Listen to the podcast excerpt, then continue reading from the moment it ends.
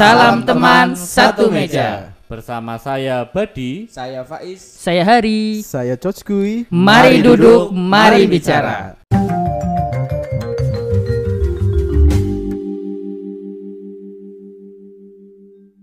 Hai, salam teman satu meja. Mari duduk, mari bicara. Nah, episode pada kesempatan kali ini, episode kedua kita akan membahas tentang menghadapi nyinyir tetangga atau lingkungan kita ya. Em, pada episode ini kita akan belajar tentang studi kasus. Jadi kita di satu meja ini ngobrolin tentang studi kasus sosial yang sering terjadi pada eh, sekeliling kita, terutama eh, kita-kita yang pada fase quarter life crisis yang masih muda sering kali mendapatkan nyinyiran dari tetangga dan lingkungan sekitar.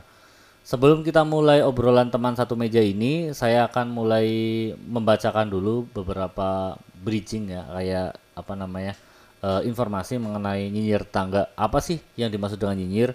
Nyinyir itu adalah sifat orang yang cerewet, banyak mulut, dan gemar bergosip. Bisa juga diartikan sebagai sifat seseorang yang gemar memberikan komentar negatif terhadap berbagai hal yang dialami atau dimiliki oleh orang lain. Biasanya komentar-komentar ini didasari atas iri, dengki, atau ketidakmampuan untuk mengalami atau memiliki hal yang ditampilkan oleh orang lain. Awal mulanya ini dari iri ya. Nah kesempatan kali ini di obrolan teman satu meja kita akan ngobrolin eh, nyinyir tetangga ini dari segi positif dan negatifnya, studi kasusnya, konsekuensi hidup di wilayah orang-orang yang nyinyir, dan juga cara mengatasi dan efek samping dari orang nyinyir. Yuk teman satu meja, mari ngobrol, mari bicara gimana nih nyinyir itu seperti apa? Mungkin teman-teman satu meja ada yang pernah ngalami nyinyir. Setiap hari dulu. Oh setiap hari nyinyirin. Bagaimana keadaan nyinyirnya seperti apa nih? Bisa diceritakan? Iya. ya pastinya kita semua pernah merasakan lah nyinyir itu. Karena nyinyir itu bagian dari interaksi sosial gitu. Karena eh, ya nyinyir itu ibaratnya kan orang berkomentar tentang apa yang kita perbuat itu. Biasanya orang apa ekspektasi ke kita apa terus kemudian kita melakukan apa kemudian eh, ternyata hasilnya nggak sesuai ekspektasi mereka otomatis mereka akan memberikan kritikan itu. Dan mungkin itu juga salah satu nyinyir gitu. Ya ibaratnya mungkin untuk apa sih menghadapi nyinyiran kita harus ya benar-benar bisa inilah eh, paling enggak jangan minder gitu ketika karena nyinyiran itu ibaratkan kayak kritikan yang apa sih Pedas lah ya. pedas ya Ya mungkin apa ya kayak apa sih contoh-contoh yang pernah kita alami? Mungkin kita pernah ngalamin nyinyir, dinyinir orang atau teman kita dinyinir orang. Contoh kasus nyata real Oh, life-nya yang pernah real- terjadi real seperti kasus apa ya. nih? Oh iya, kalau untuk apa namanya saya itu eh, kayak gini sih biasanya kalau yang pernah saya alami sendiri gitu. Jadi eh, tetangga itu bilangnya kayak gini. Jadi eh kamu udah eh, Lulus sek- seko- ah, sekolah tinggi-tinggi kok nggak pakai seragam gitu. Kok palan jualan ini, jualan Oh, ini iya, iya, gitu. iya, nah, iya, iya. eh, kayak gitu sih. em, Ekspektasi orang ya Iya betul betul. Padahal kan untuk apa namanya namanya kita usahakan harus memulai dari awal juga harus eh, eh, nggak harus langsung besar gitu kan. Jadi nah itu salah satu bentuk nyir yang saya rasakan sih. Gitu mungkin teman-teman bisa menanggapi harusnya gimana sih saya ya? oke mental mental sangat diuji. ya, Ya, gitu. mungkin pertama eh, yang harus di apa lakukan ya dibuat bercanda Misal harus pakai seragam ya seragam pramuka apa seragam Iya, putih juga ya. abu-abu gitu. Iya iya. Intinya jangan dimasukkan hati lah Iya. ya. Benar. Nyinyirnya itu. kalau bisa dimasukkan ke dalam rekening ya nggak masalah Asik. iya itu sisi sisi apa namanya kayak eh, sisi positifnya apa sih? Atau sisi negatifnya apa sih? Kalau sisi negatifnya jelas tadi. Jelas banyak kok, jelas, banyak, tadi mengganggu mental ya. Mental, betul, kesehatan mental. susah sisi positifnya. Kalau sisi positif apa ya? mungkin lebih ke apa ya? Kayak Eh, kontrol sosial kali ya. Ya betul, mungkin kontrol sosial sih. Jadi Jadi, kita itu, eh, Iya betul. mm. Jadi kita mau melakukan hal apa kita harus mikir, oh nanti takut dibilang kayak gini, takut dibilang kayak gini ya sebenarnya ya salah satu kontrol sosial di masyarakat gitu. Iya, jadi iya, kita tidak bisa sewenang-wenang di masyarakat. Jadi ya seperti itulah, Pak. Ya Itu benar, positifnya. apalagi di masyarakat pedesaan yang masih sangat guyup dengan tetangga. Eh, kalau tetangga berbuat salah atau apa, pasti selalu ditegur karena kontrol sosial. Jadi Jadi mereka apa ya ada salah sedikit langsung dikasih tahu oh ini kamu salah kayak gini gini. Jelas. jelas. Mending itu kalau eh, di, dikasih tahunya langsung ngomong ya. Iya iya. Cuman kadang-kadang kan dibicarakan di belakang. Di belakang. Oh, Nah, ini. nggak berani Itu menegur itu, Iya. di depan mata. Nggak berani menegur langsung tapi dibicarakan ke tetangga sebelah. Belakang sebelah. Oh. Pak ini kemarin gini-gini. Jadi Nah, gosip ya, Iya, jadi gosip. jadi fitnah malah ya. Jadi ya, fitnah lebih kejam daripada pembunuhan, pembantaian, Asik. dan penikungan. Yo. penikungan. Tapi kayaknya banyak kasus ya di terutama di desa ya di, Di kampung, kampung. banyak banget yang kasus-kasus nyinyir-nyinyir gitu yang mungkin ya lucu ya aneh ya Iya. kadang nyebelin gitu ya. Kayak contoh kalau kita nggak kerja bakti ya, nggak kerja bakti sekali iya, atau dua iya, kali iya, kan iya. mesti dinyirin. Oh pak ini kok nggak datang Males gitu, tuh, males. ngomong- ngomong Terus ada yang pekerja tuh, ada yang biasanya pegawai mesti cuman ngirimin apa makanan atau apa gitu. Wah namanya juga pegawai lah nggak mau kerja kasar gitu ya kan mesti seringnya Iya, gitu kan di desa pasti, apa Iya, aja seperti itu ya Serba salah ya. serba salah sih sebenarnya kita Hmm.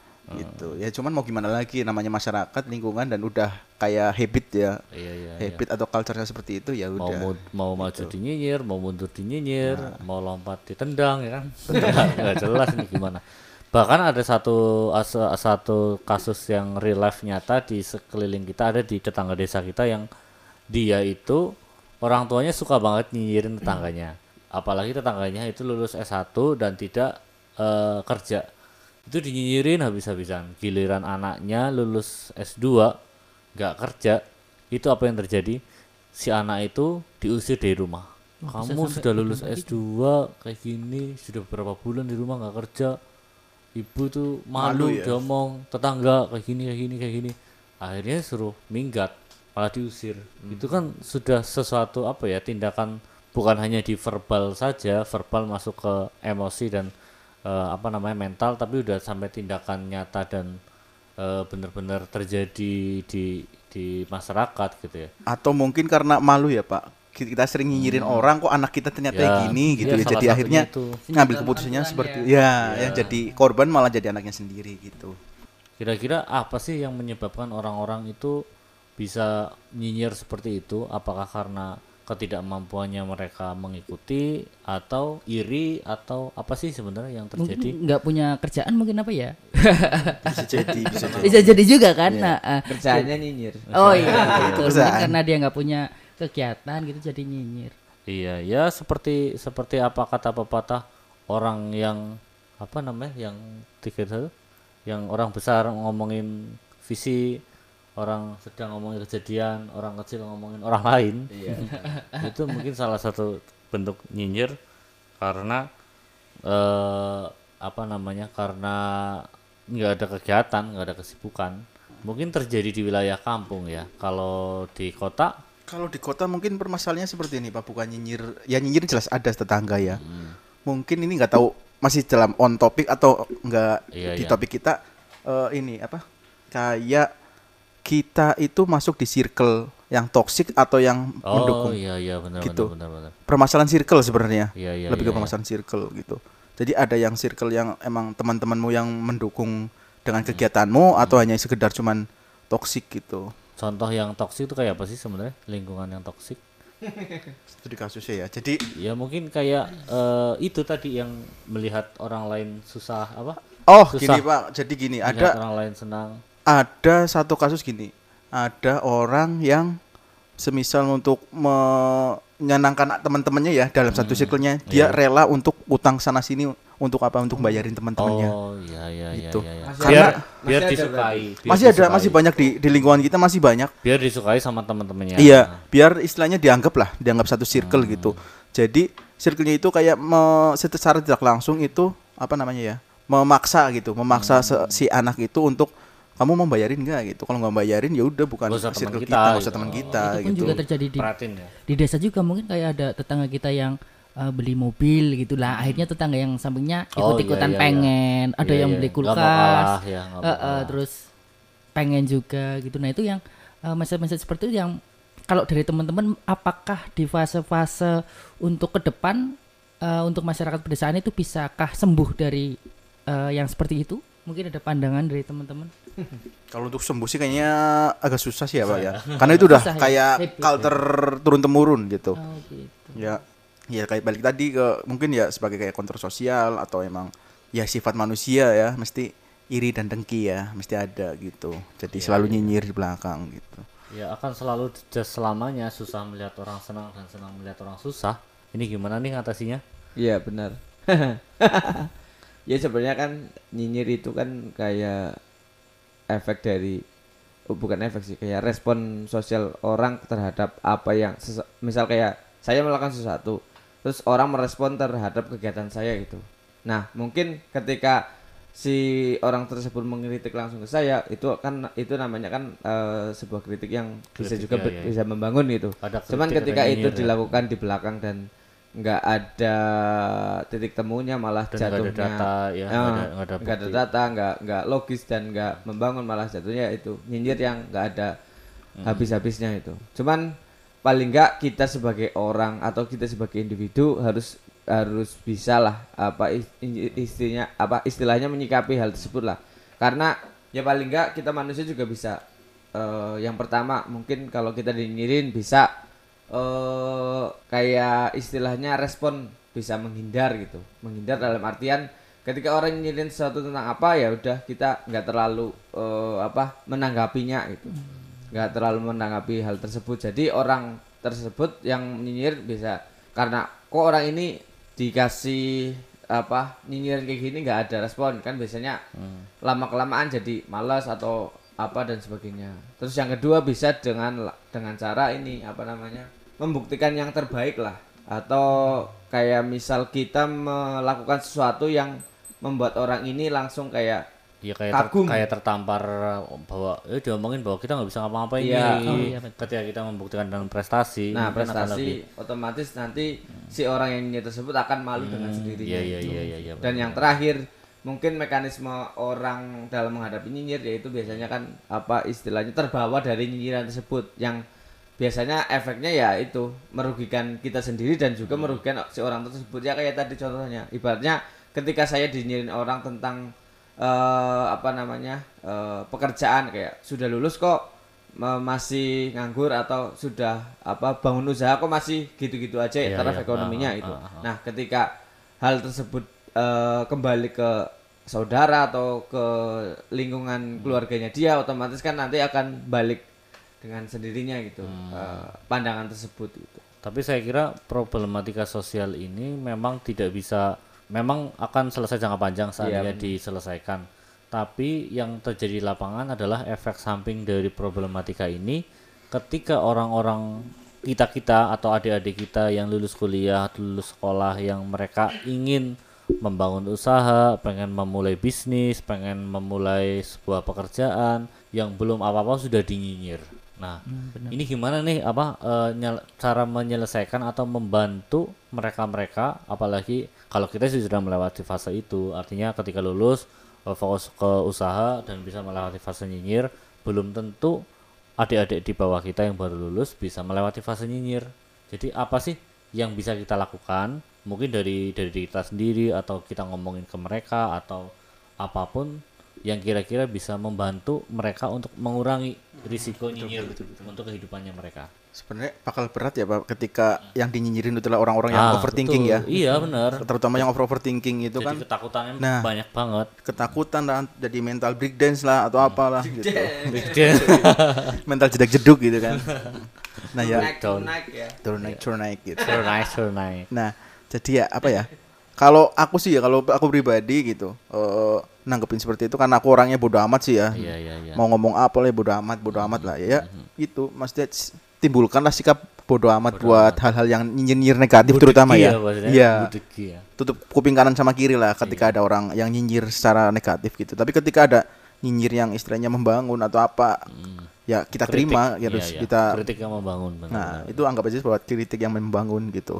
Kalau untuk awalan ketika kita usaha ya, aku pernah baca masalah apa artikel di artikel itu untuk menghindari ya. Karena kita manusia pun hidup penuh masalah gitu. Hmm. Iya, kita iya, nggak bisa iya, lepas dari bisa masalah, nggak bisa menghindari. Kita hanya Betul, bisa betul. meminimalisir sama Iya, aja, iya, iya. sama halnya dengan nyinyir itu.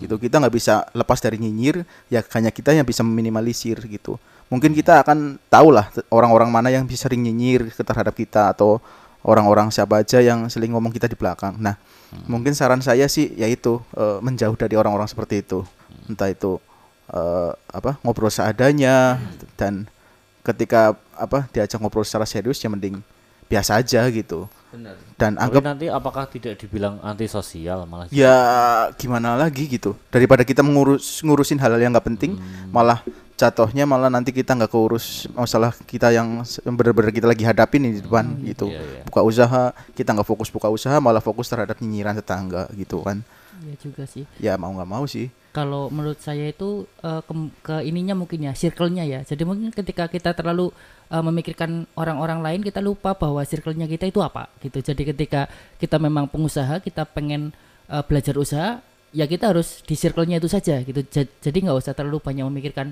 eh, kata orang lain atau kita bergabung dengan circle-circle yang mungkin tidak dengan apa yang kita inginkan seperti itu. Jadi mungkin itu lebih lebih santai sih Iya, seperti iya, itu. iya, iya, tapi menurutku ya pak eh, apa nyinyir itu bahaya banget Iya, iya. Terhadap masa psikologi- depan. ya, Iya, psikologi kita Psikologi gitu. kita dan Karena orang-orang. ini aku ada kasus nih dulu waktu tahun berapa ya tahun waktu saya lagi masih kuliah gitu Iya. itu ada obrolan di salah satu fakultas ya setiap kampus kan ada kan yang fakultas bonafit yang Iya, orang-orangnya iya, yang kalangan-kalangan menengah ke atas gitu nah di situ ada salah satu mahasiswa yang dinyinyirin bahwa dia itu nggak mampu gitu di di- Diolok-olok dia ya, di dalam satu circle-nya. ya? betul dibully. Dibully ya? dibully Oh, iya, gitu iya, nggak iya. mampu dan lain-lain. Akhirnya dia memutuskan untuk setiap kali dia datang ke kampus dia nyewa mobil. Oh, sampai segitunya ya? sampai segitunya. Biar kelihatan biar kelihatan dia lebih ya satu circle lah sama teman-temannya gitu. Oh ya biar dianggap intinya gitu. Jadi gitu dia bener-bener apa setiap kali datang ke kampus itu selalu bawa mobil yang berbeda-beda gitu kan. Dia Ad- mungkin meng- pengen meng-make up dirinya sendiri tapi justru berlebihan jadi kelihatan kayak badut nah ya. gitu jadi dia memaksakan seperti itu nah suatu saat ketika diusut diusut diusut ternyata dia memakai uang kuliahnya untuk itu Oh. akhirnya dia di drop out gara-gara nggak pernah bayar kuliah dan lain-lain hanya untuk bahwa apa ya ya itu buat terkesan dirinya itu mampu Apa itu yang masuk nah MLM itu ya? gitu jadi ya iya Oh. jadi ya terkes apa ya ya balik lagi itu jadi buat eh, kayak termakan nyinyiran ya. Termakan nyinyiran teman-teman yang mungkin ya kalau aku sih kalau misal dinyir gitu ya bodo amat. Kalau aku mampunya segini ya udah segini. Kalau mau masih mau berteman dengan aku ya udah gitu. Karena menurutku apa ya kalau kita nurutin hal yang seperti itu itu nggak ada habisnya sih pak Ya harus bersikap bodoh amat ya. betul Bodo harus amat. bersikap bodo amat Bahkan ada teori juga yang mengatakan teori stoik ya, mungkin teman-teman tahu juga. Teori stoik itu kayak yang di bukunya filosofi teras. Jadi kita eh, berhenti untuk fokus pada hal-hal yang tidak kita kendalikan dan fokuslah pada hal-hal yang bisa kita kendalikan. Contoh kayak masa lalu adalah hal yang tidak bisa dikendalikan dan omongan orang lain terhadap kita pun sesuatu yang tidak bisa kita kendalikan. Jadi eh, tidak usah dipikirkan, fokus pada tujuan hidup kita dan fokus pada cita-cita. Harusnya seperti itu ya. Bener. apalagi sekarang kita lagi pandemi apa ya Hmm. kita lagi ya, pandemi betul, pusing sana sini Gak usah kenal tetangga. ya kan usaha lagi pada turun Nanti mati sendiri. dinyinyirin. Tapi gitu ada satu kasus kemarin di Jawa di daerah Surabaya itu mana?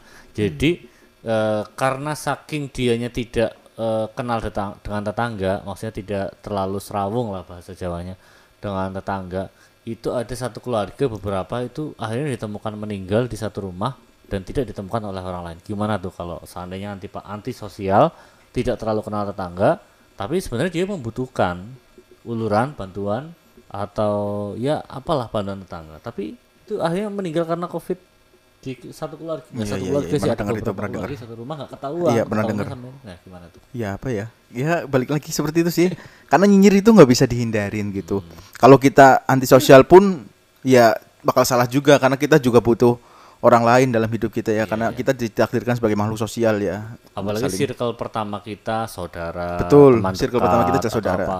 Itu apa namanya? Itu sebenarnya yang paling kita andalkan dalam betul betul kehidupan. betul betul Jadi jangan sampai kita ya kita se ke teman sendiri atau ke saudara sendiri jangan sampai sekalipun kita nyinyir ke mereka. ya Karena eh, bagaimanapun namanya saudara, teman dekat itu yang paling bisa membantu kita dalam keadaan sulit dan paling bisa mengerti kita di kondisi-kondisi tertentu. Gitu. Jadi kayak eh, kita pun merasakan kalau membuat sebuah bisnis atau sedang merencanakan sebuah bisnis kita ceritakan kepada orang yang nyinyir kebanyakan eh, mereka jawabnya kan hal-hal yang negatif dulu. Benar. ah nanti kamu bisa enggak? Ah kamu emang punya modal. Eh kamu emang bisa ngelakuin itu. Nanti kamu kayak gini. Cerita kemarin banyak ya orang kayak gini. Itu gimana nih? Mengatasi orang-orang yang nyinyir padahal itu adalah circle pertama kita dan kita harus eh, membutuhkan support dari mereka. Orang tua misalkan adik kakak atau teman dekat. Padahal kita butuh banget support mereka. Gimana? Ya sebenarnya kan eh perihal nyinyir kan banyak sekali lah eh, cara-cara yang untuk itu agar kita bisa terhindar. Kalau tadi kan yang dibahas dari kasusnya ibaratnya kalau nyinyir itu sudah terjadi. Nah, kita coba memikirkan bagaimana caranya eh, Nyinyir bahwa itu hilang. nyinyir itu eh, paling nggak diminimalisir lah. Iya. Ya dengan cara mungkin kita harus hadir di setiap apa eh, perkumpulan orang-orang gitu.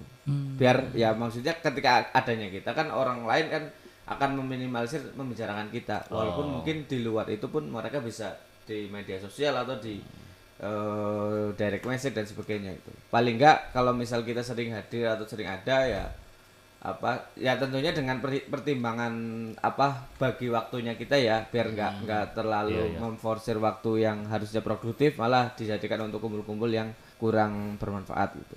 Itu sih. Nah jadi otomatis fokusnya kita ya bagaimana cara eh, untuk meminimalisir itu nggak nggak setelah nyinyiran itu terjadi. Karena sebenarnya nyinyir itu pun bisa nggak terjadi kan itu. Nggak nggak harus yang terjadi terus kemudian kita bersikap apa gitu.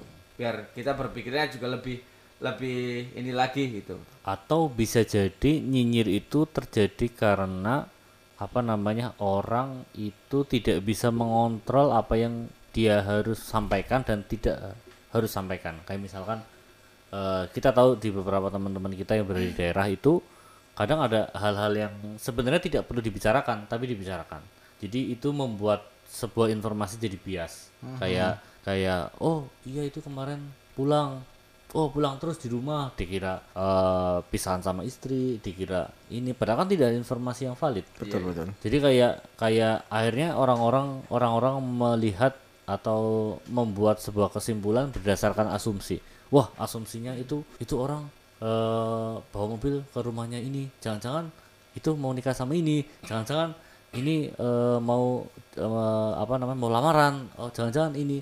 Jadi karena bisa jadi apakah karena asumsi yang membuat orang jadi nyinyir jadi berawal dari isu isu orang diceritakan menyebar ke orang-orang tanpa rem tanpa filter lalu muncullah sebuah asumsi. Asumsi itu yang menceritakan orang lain berbeda karena nyinyir kan sesuatu yang berbeda iya betul betul, diceritakan orang lain bukan fakta betul. iya betul apa karena karena itu ya bisa bisa jadi sih karena biasanya kan hal-hal tersebut kan untuk membangun obrolan biasanya Iya, kan iya, iya. kayak misal berusaha kita untuk ini ya berusaha untuk untuk ya ada obrolan lah Iya, iya, iya. kayak misal Basa-basi, ya. basa-basi ya. kayak misal kita dalam satu perjalanan naik mobil bersama itu Iya, iya, kalau misal eh semua ibaratnya akan diceritakan ya. iya nggak ada nggak ada obrolan kan kayaknya garing gitu apalagi orang Ngantuk, Banyumas i- apalagi dah. iya ibaratnya ya yang yang apa mengemudikan juga ngantuk kalau yang apa naik apa yang sebagai penumpang juga ngantuk kan iba- kayak gitu. diam terus dikira sombong iya Iya. tapi sadar nggak sih ketika gibah itu mengasihkan iya ya kan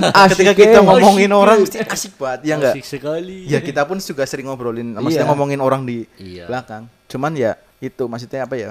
Paling nggak tahu tahu inilah ya Batasan, tahu Tahu batasan, batasan ya. betul betul tahu batasan. Ya ya paling nggak kalau kita bisa obrolan masalah nyinyir ini juga kita juga bisa eh, berintrospeksi diri kan nah ibaratnya. iya betul. Ibaratnya kan apa yang dikatakan orang tentang kita kan ibaratnya gambaran diri kita kan iya. Sebenarnya sih kalau menurutku ya pak ya nyinyir itu berawal dari ketidaktahuan kita terhadap sesuatu terutama seseorang itu tapi kita malu untuk bertanya. Hmm. jadi kita hanya Enggan ya. Nah seng- jadi kita jadi sesaat di jalan ya. Sesat di jalan. malu Malu bertanya bertanya, saat di jalan. Malu iya. sesat di jalan. Ya gitu jadi apa? Kayak selalu mengambil asumsi, Asumsi, secara asumsi. instan gitu. Oh Hmm. ah seperti ini kayaknya gini lah gitu. Oh kayaknya dia gini lah gitu. Karena kita malu malu bertanya kepada apa orang yang bersangkutan gitu Iya, yang mau kita nah entah itu nggak enak entah itu tapi malu sudah meng- terlanjur mengambil keputusan nah itu jadi ya mungkin awalnya dari situ kalau untuk apa namanya kayak nyinyir masalah gitu atau apa salah satu caranya sih sebenarnya untuk mengatasinya ya harus ketemu secara langsung gitu Kalau kayak Diajak. gitu berarti bisa dikatakan salah satu solusi dari nyinyir adalah mulai dari kita sendiri stop untuk mengambil keputusan terlalu dini Betul. atau apa ya? instan, Mengambil, ya. iya. Mengambil keputusan instan. Hanya dari asumsi kita mengambil keputusan betul dan menjudge orang lain kok kayak gitu. langsung membenarkan hipotesis lah Ya, ya ya, ya, ya. orang kuliah kan tahu hipotesa. Kalau orang di kampung kan ya itu Ya, asumsi lah itu, kita langsung memutuskan asumsi bahwa Ya, si A si B seperti ini Iya benar. Ya sebenarnya kalau kebi setiap kebiasaan kita selalu didasari dengan apa namanya narasi atau diskusi yang apa open minded otomatis kan nyinyir itu juga terminimalisir kan. Karena yaitu ketika kita bicarakan tentang apa kan di, dikupas habis lah. Ibaratnya nggak langsung ngejas ke sesuatu gitu kan. Kita bisa berpikir yang lebih luas lagi. Misal kayak kita melihat si A ke, pergi ke sini dikiranya mau nikah dengan orang ini. Kan kalau misal kita bisa di apa namanya di, dilihat dari teleconference atau dilihat dari misalnya kita diskusikan kan Oh, ya iya, misal nggak harus eh, ya nggak nggak nggak mesti. Toh bisa karena mungkin Iya, ada iya. kerjaan atau karena silaturahmi biasa atau karena apa hal-hal apa gitu kan. Artinya mulai dari kita pun diredam ya. Kalau ada masalah apa-apa atau asumsi yang belum jelas atau apa tolong bisa diredam ke orang-orang. ya banyak sekali kasus-kasus yang terjadi di wilayah kita. Eh, nyinyir itu akan merusak mental terutama anak-anak eh, yang baru atau sedang berjuang karena orang taunya instan taunya usaha ya harus jadi taunya lulus kuliah ya kalau nggak ngajar jadi PNS atau jadi orang berdasi yang berseragam. berseragam, Berseragam. bisa jadi seperti itu nah ketakutan-ketakutan itu yang pada akhirnya ini yang terjadi ya karena kita alami sendiri di wilayah kita eh, ada penurunan jumlah anak yang berminat untuk kuliah jadi di zamanku di satu wilayah satu desa katakanlah ada 100% yang eh, 70% yang ikut kuliah tahun berikutnya turun tahun berikutnya turun tahun berikutnya turun. Jadi saya kira eh, salah satu dampak sosial yang terjadi di masyarakat karena nyinyir itu munculnya ketidakmauan atau ketakutan anak-anak desa untuk berkembang melalui pendidikan atau melalui kuliah. Karena takut lulus kuliah dinyinyirin. Ada yang ngomong ah itu juga kuliah. Tapi buktinya dia nggak dapat kerjaan. Ah itu juga kuliah. buktinya eh, daftar ke sana sini juga nggak keterima. Udah mendingan kamu lulus SMA langsung kerja aja udah dapat duit. Nah ini gimana nih kasus-kasus seperti ini yang yang terjadi di kita dan pada akhirnya merusak sih menurutku merusak masa depan anak-anak kita yang mereka sebenarnya niat untuk untuk kuliah tapi karena dinyinyir jadi berhenti untuk mencari pendidikan? Ya itu maksudnya ya sebenarnya kita lah yang di sini yang harus menjadi jembatan Iya. orang-orang karena ya kita ibaratnya yang pernah mengenyam dunia pendidikan ibaratnya kan bisa dibilang kaum kaum intelektual lah yang bisa berpikir itu berdasarkan berba- berbagai sumber gitu. Nggak nggak melihat sesuatu langsung di generalisir gitu. Yang yang tadi contoh kasus seperti itu kan ibaratnya melihat salah, salah sa- satu kasus terus kemudian digeneralisir sehingga eh, langsung mengambil kesimpulan itu. Nah kan itu sangat berbahaya jika itu diturunkan terus menerus. Ibaratnya kayak misal eh, nantinya karena setiap generasi harus ada pemimpinnya. Ketika generasi yang tadi yang langsung ngambil keputusan cepat yang memimpin otomatis nanti akan sangat ber- berbahaya gitu. Ibaratnya eh, karena ini langsung dia ngambil ini gitu kan padahal bisa bisa saja bukan itu penyebabnya kan itu ibaratnya ya paling enggak kita sebagai apa orang yang benar-benar istilahnya terdidik harus benar-benar ya lebih ini lagi lah masif lagi dalam memberitahu informasi bahwa di apa perkuliahan ya sebenarnya eh, banyak hal yang ibaratnya melatar belakangi seseorang memilih satu profesi gitu. Nggak nggak semata-mata karena eh, apa keinginan eh, orang tua atau karena yang paling banyak duitnya di mana dan sebagainya kita langsung memilih ke arah situ. Sebenarnya kan enggak iba- ibaratnya mungkin si orang ini juga memiliki idealisme tersendiri. Ibaratnya kayak memiliki keinginan bahwa aku pengen membangun ini di sini nih gitu. Jadi itu yang sebenarnya harus kita apa dukung gitu. Biar enggak apa terjadi terus menerus yang nantinya membuat set- apa namanya generasi itu akan turun ininya ya apa turun kualitasnya ya kualitas pendidikan iya benar benar benar, benar. Ya balik lagi sih untuk masalah nyinyir ya. Eh kita nggak bisa ya menghindari nyinyiran orang lain gitu.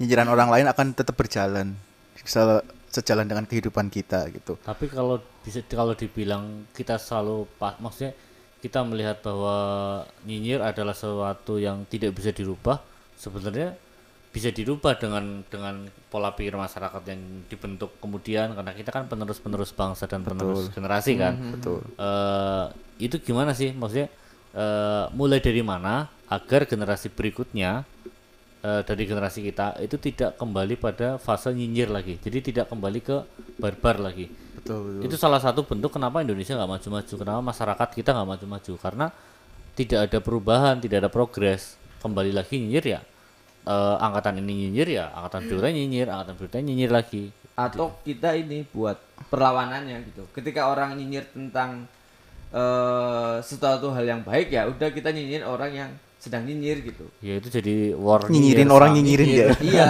iya maksudnya gini maksudnya itu jadi konflik sosial yang lebih gede lagi nggak sih sebenarnya? Ya kita meli maksudnya kita dengan cara yang lebih elegan lah. Dalam artian eh misal ya itu. Yang tadi misal lulusan ini udah lulus kok ternyata tapi enggak belum mendapatkan pekerjaan gitu kan. Ibaratnya nyinyi- nyinyirannya seperti itu ibaratnya kan gitu. Tapi kan padahal yang nggak bisa kita ya, maksudnya si orang ini pun sedang melakukan kegiatan kan padahal gitu. Ya ketimbang ketimbang kita hanya melihat dari sudut pandang si orang menyinyir ya udah kita melihat dari ya ak- ya ibaratnya si orang ini walaupun mungkin nggak punya pekerjaan dia pun lagi membangun usaha gitu. Ibaratnya di di, di inilah ibaratnya biar nggak eh, nggak searah gitu loh.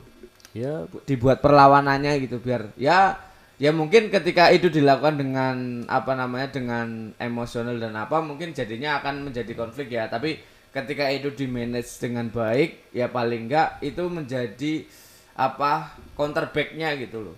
Perlawanan sebuah perlawanan bahwa ya tidak selamanya orang yang apa eh, setelah kuliah terus kemudian dia memutuskan untuk bekerja bisa saja dia membangun usaha atau bisa saja dia mengabdikan diri untuk menjadi volunteer di kegiatan sosial apa kan ya gitu. Iya, iya kembali lagi kemarin itu ada kasus kayak kayak kita kembali lagi dalam permasalahan faktor pola pikir ya. Ketika orang yang berpendidikan atau orang yang pinter diberi satu fakta sudah bisa selesai. Iya. Tapi kalau orang yang nggak ngerti atau bahasa kasarnya bahasa kasarnya itu pola pikirnya down itu mau diberikan seribu fakta pun tidak akan kalah tidak akan kalah meskipun dengan salah dia akan tetap ngotot. Ya it- itu mungkin keras kepala Keras berarti kepala, ya iya. Ya keras kepala. Ya maksudnya kepluk karo eh, hal-hal seperti itu mungkin ya it- itu yang nggak bisa kita hindari ibaratnya kalau ketika kita berhadapan orang-orang seperti itu. Paling nggak ya untuk meminimalisir urusan dengan orang-orang seperti itulah iya yang yang bisa kita ini tapi kalau respon ketika kita ketemu dengan orang itu kan ibaratnya susah untuk di apa hindari. Tapi untuk menjauh dari orang-orang seperti itu kan kita juga bisa memiliki andil lah memiliki apa eh, keputusan gitu. Sebenarnya lebih ke korbannya atau victim dari eh, nyinyir itu adalah kita kita anak muda dan generasi baru sebenarnya kan. Kalau generasi lama kan lebih banyak ke eh, pelaku ya kan pelaku. Tapi eh, makanya solusi yang sebenarnya harus dilakukan karena yang yang tua yang sepuh-sepuh kan tidak bisa kita kontrol fokusnya adalah bagaimana kita bisa mengontrol mengcounter anak-anak muda yang di dekat kita lingkungan kita atau adik-adik kita untuk berprestasi atau atau menunjukkan dengan dengan apa sih kamu bisanya apa ditunjukkan apa sih kamu bisanya ini ditunjukkan. Karena ini bisa jadi eh, seleksi alam ya. Artinya orang yang bisa melewati nyinyir dia akan berhasil. Iya, orang betul, yang betul, tidak betul. bisa melewati nyinyir dia akan jatuh dan tidak gagal dalam kehidupan. Eh, mungkin ya namanya nyinyir kan sebuah kayak ibaratnya kayak ini adalah sebuah tebing tinggi ke- apa, apa namanya dinding tinggi. Ketika orang yang melompat lebih tinggi maka dia berhasil. Ketika dia tidak bisa lompat sampai tinggi maka dia gagal. Tapi sebenarnya kalau nyinyir itu bisa diredam atau dikurangi itu kayak dindingnya itu bisa diturunkan maka akan lebih banyak orang yang Bisa sukses melewati ya. melewati. jadi tidak perlu tidak perlu melewati fase-fase nyinyir ini gitu loh kayak ya wis lah lebih ke fokus yang lain artinya masih banyak energi yang bisa bisa digunakan untuk melompat masalah lain karena masalah dalam hidup kan bukan hanya nyinyir tok gitu Benar. Ya itu berarti fungsinya kita melihat dari kacamata yang lebih jauh gitu. Jadi fokus kita ya memang nggak harus ngurusin apa yang menjadi nyinyir, nyinyiran orang gitu. Jadi kita ber apa memikirkan untuk hal jauhnya. Misal kayak kita membicarakan tentang fisik kita apa gitu. Ya, nah kita sudah mendapatkan apa untuk mendap untuk mencapai visinya gitu. Kan ketika kita disibukkan dengan hal-hal yang eh sedikit produktif, otomatis hal-hal nyinyiran pun kadang-kadang akan sedikit terabaikan gitu. hmm, ya, ya, ya. berkarya intinya Betul, Iya betul, berkarya benar. Jadi ya kalau menurutku sih ya Pak ya, eh, nyinyir itu susah untuk diredam. Eh susah untuk diredam. Untuk kita merubah generasi untuk tidak nyinyir itu sangat susah. Karena itu udah habit manusia ya. Yang paling bisa kita lakukan adalah untuk menghadapi itu adalah ya caranya itu mengurang meminimalisir gitu. Dengan cara ya mungkin balik lagi eh, untuk memilih circle yang lebih positif gitu atau yang lebih istilahnya mem- mem- membangun diri kita ya istilahnya saling mendukung gitu. Ya hanya itu sih. Kalau untuk untuk merubah apa namanya pikiran masyarakat untuk tidak nyinyir itu sangat susah gitu. Dan sangat butuh waktu yang sangat lama. Yang hanya bisa kita lakukan untuk menghadapinya yaitu hanya meredam meredam. dan benar-benar hanya ya udah harus kita lawan gitu. Biarin orang lain nyinyir gitu. Paling ya itu. Eh, sikap-sikap yang bodoh amat lah gitu. Oh iya, kalau kalau dari saya pribadi sih kalau ada orang yang nyinyir berarti seperti yang disampaikan tadi mungkin apa namanya membuktikan ya. Jadi bagaimana cara kita melompati dinding itu gitu. Jadi memang kalau kalau memang itu berat pun ya harus kita lewati. Lah sampai kapan itu bisa dilewati ya harus terus berjuang gitu. Sampai benar-benar orang yang nyinyir itu bisa eh, merasa oh ternyata dia bisa membuktikan dan udah nggak nyinyir lagi. Ya, mantap sekali obrolan kita pada malam hari Lama ini. banget ya kita ngobrol ya. Iya. ini saya saya simpulkan closing aja ya. Iya, Eh, siap, sudah siap, sepertinya siap, siap, kita open sudah sudah cukup banyak sekali yang dibahas dari awal sampai akhir. Saya akan simpulkan bahwa nyinyir itu merupakan sesuatu yang apa ya kayak ngomongin orang lain hal-hal negatifnya eh, ada sisi positif dan negatifnya kebanyakan sih memang negatif dari sisi positifnya memang jadi kontrol sosial terhadap sesuatu yang eh, buruk di masyarakat agar bisa positif. Sisi negatifnya ya kita akan sulit maju karena apa pun yang kita lakukan selalu diomongin eh, dilihat dari sisi negatifnya. Lalu studi kasus nyata sudah tadi dipaparkan banyak sekali. Konsekuensinya eh, hidup di tempat orang nyinyir adalah kita harus tertekan secara mental. Cara mengatasinya yakni dengan cara kita harus membuktikan dengan prestasi prestasi apa pun yang bisa kita lakukan maka eh, itu akan menutupi kenyinyiran orang yang negatif tentang kita. Lalu dimulai dengan meredam omongan-omongan orang lain yang negatif dengan kita apalagi ketika kita mendengarkan orang sedang menyinyir tentang orang lain di hadapan kita maka mulailah untuk meredam omongan orang tersebut agar tidak eh, apa namanya tidak menyebar ke yang lainnya. Lalu eh, kepada teman-teman yang eh, berat yang mendengarkan podcast ini juga eh, berhentilah untuk selalu cepat mengambil keputusan. Jadi pastikan selalu mengambil keputusan berdasarkan premis-premis yang nyata dan bukti-bukti yang nyata sebelum eh, ngambil kesimpulan eh, yang cepat. Mulai berpikir positif dan yang terakhir solusinya adalah dengan mulai mengajarkan pelan-pelan kepada teman-teman kita, circle terdekat kita, keluarga dan adik-adik kita untuk tidak eh, nyinyir orang lain atau tidak menceritakan aib-aib orang lain dan hal-hal negatif tentang orang lain. Nah, teman-teman sekalian, eh, podcast teman satu meja ini adalah bahasan yang cukup panjang pada episode kedua ini, bahasan tentang nyinyir tetangga. Semoga teman-teman tidak eh, menjadi korban nyinyir tetangga. Semoga konten yang ini sangat bermanfaat untuk kita semua dan jangan lupa untuk share kepada teman-temanmu semuanya. Jangan lupa untuk jaga kesehatan dan salam teman satu meja. Salam, bye bye.